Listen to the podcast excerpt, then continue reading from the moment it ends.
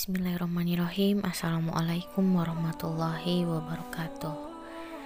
Kisah nenek pemungut daun.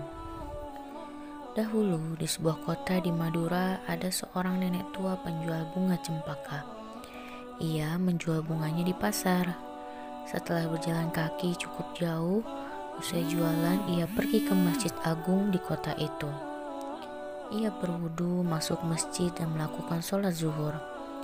Setelah membaca wirid sekedarnya, ia keluar masjid dan membungkuk-bungkuk di halaman masjid.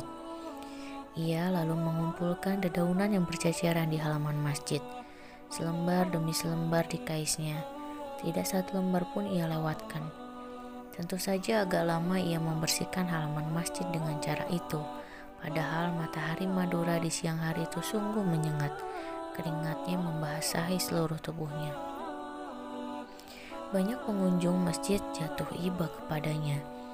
Pada suatu hari, takmir masjid memutuskan untuk membersihkan dedaunan itu sebelum perempuan tua itu datang. Pada hari itu, ia datang dan langsung masuk ke masjid. Usai sholat, ketika ia ingin melakukan pekerjaan rutinitasnya, ia terkejut. Tidak ada satupun daun terserak di situ. Ia kembali lagi ke masjid dan menangis dengan keras.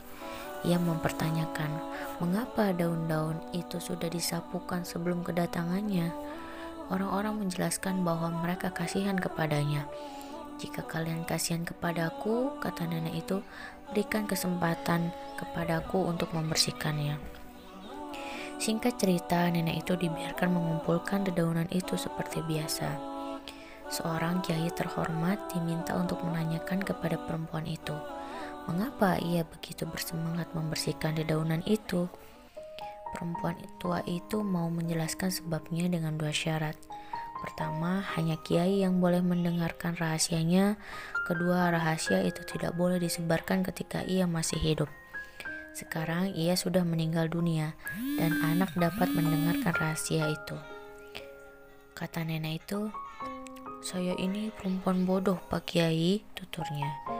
Saya tahu amal-amal saya yang kecil itu mungkin juga tidak benar saya jalankan.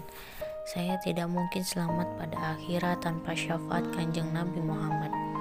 Setiap kali saya mengambil selembar daun, saya ucapkan satu sholawat kepada Rasulullah. Kelak jika saya mati, maka saya ingin mendapatkan syafaat dari Nabi Muhammad SAW. Saya ingin kanjeng Nabi menjemput saya. Biarlah semua daun itu bersaksi bahwa saya membacakan sholawat kepadanya.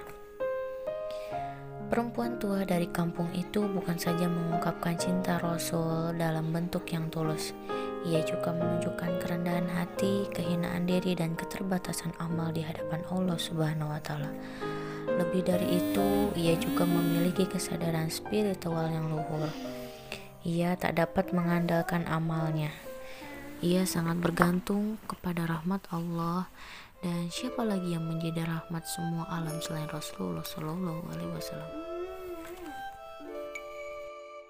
Sahabat Ayu, kita tidak pernah tahu amalan apa yang akan membawa kita ke surga.